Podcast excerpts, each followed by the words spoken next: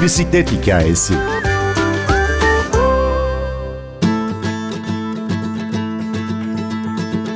Hayatta bir sonraki adımım ne olmalı? Beni mutlu eden bir şeyle başkalarına faydalı olmam ve dahası para kazanmam mümkün mü? Genç girişimci Can Ses Özel bu soruların yanıtı için kendi içine döndü ve orada bisikleti buldu. Şarkımız Madonna La Isla Bonita. Ben Gündür Öztürk Yener. Bir bisiklet hikayesi başlıyor.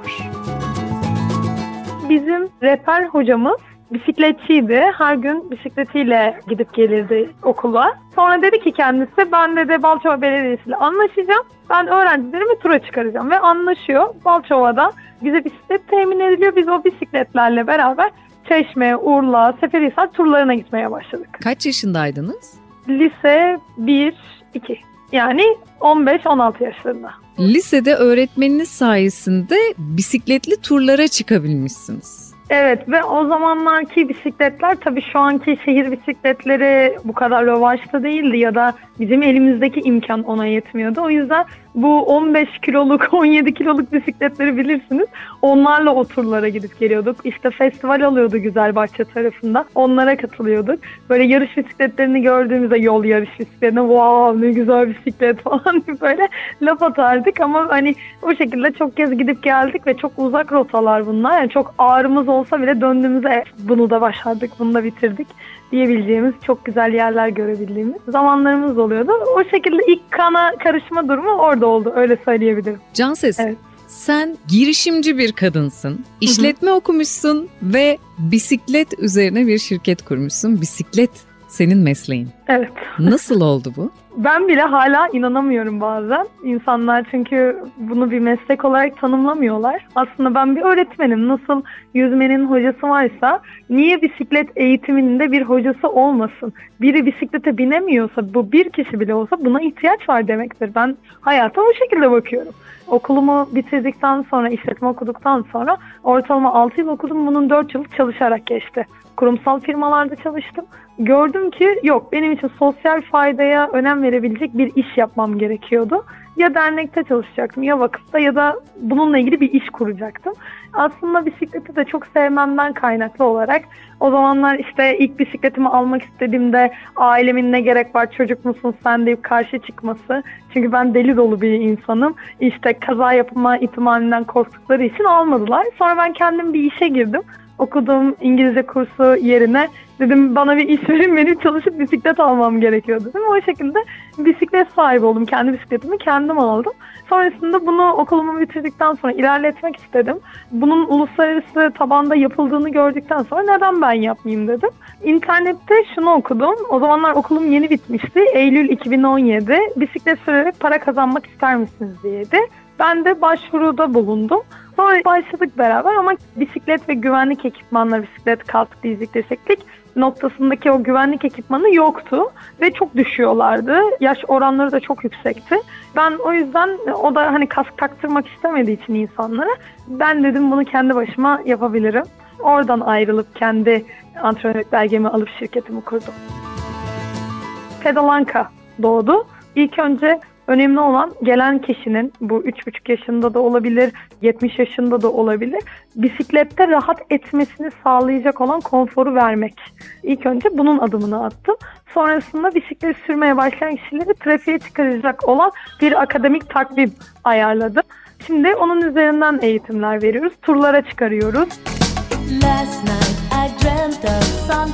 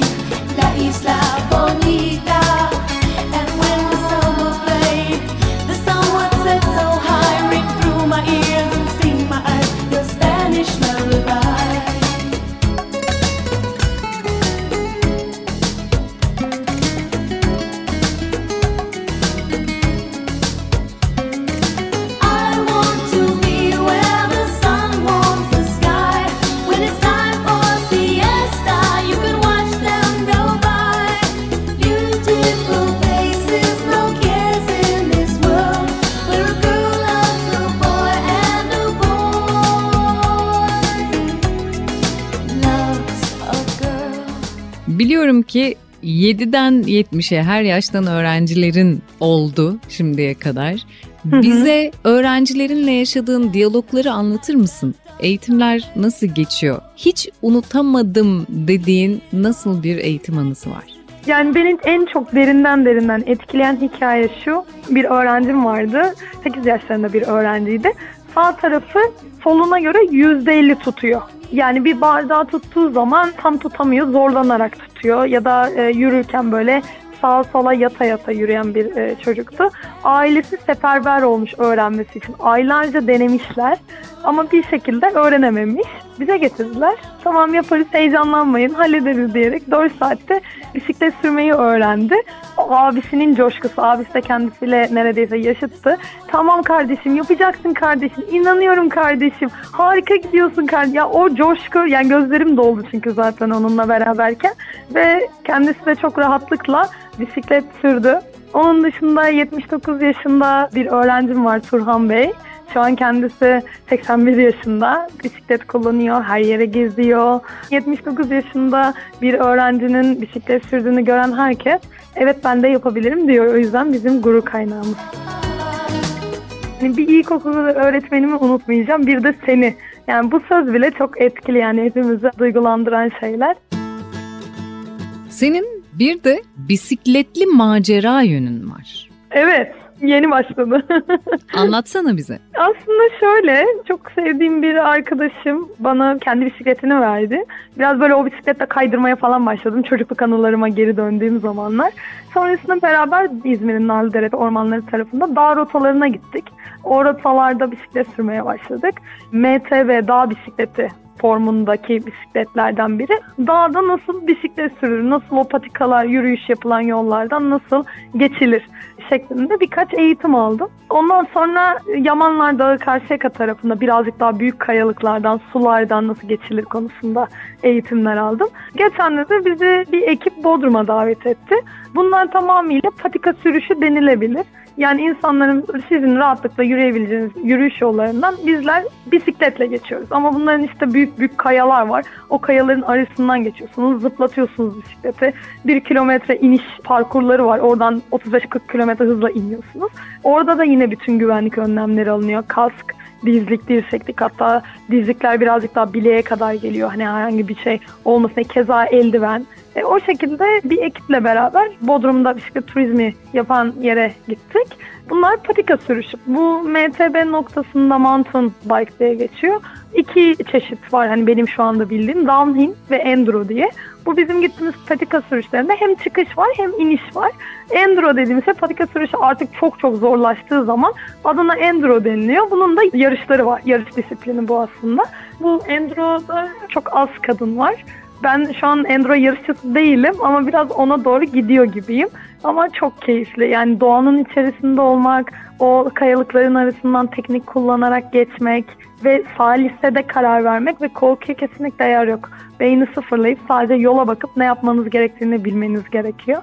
Mantığını kavradıkça daha keyifli hale geliyor. Yoksa ben yokuş çıkmayı hiç sevmeyen bir insanım. Ama orada bile çıktığınız yokuşun sonunda gördüğünüz güzellik, o manzarayı görünce zaten diyorsunuz ki iyi ki çıkmışım, iyi ki başarmışım. Ben de kendim için yeni bir dünya açmış oldum MTB ile. Kendime yakında da bir bisiklet alacağım bununla ilgili. Çocuklar gibi senin. Var mı atladığımız, konuşmadığımız bir şey? Özellikle %90 kadın geliyor eğitimlere. Ben her kadının bisiklet sürmeyi hak ettiğini düşünüyorum. Aslında sandığımızdan çok daha fazlasıyız. Bence ilk başta bunu keşfetmemiz gerekiyor. Bir kere denedik olmadıysak ikinci kere olmayacağı ya da beşinci kere olmayacağının garantisi yok. Bence inat edip ne istiyorsak onu alabileceğimize inanıyorum. Ben çıktım bu parkurlarda, patika sürüşlerinde onu gördüm ve ağladım oralara geçtikten sonra. Tahmin ettiğimden daha fazlası olduğumu görüyorum. O yüzden herkes bir şey isterse yapabilir. Tahmin ettiğimizden daha fazlasıyız. Bisikletli girişimci Canses Özel'i dinledik. Ben Günür Öztürk Yener, prodüksiyonda Ersin Şişman. Daha çok pedallamak, daha fazlasını isteyip keşfetmek için yeniden buluşmak dileğiyle.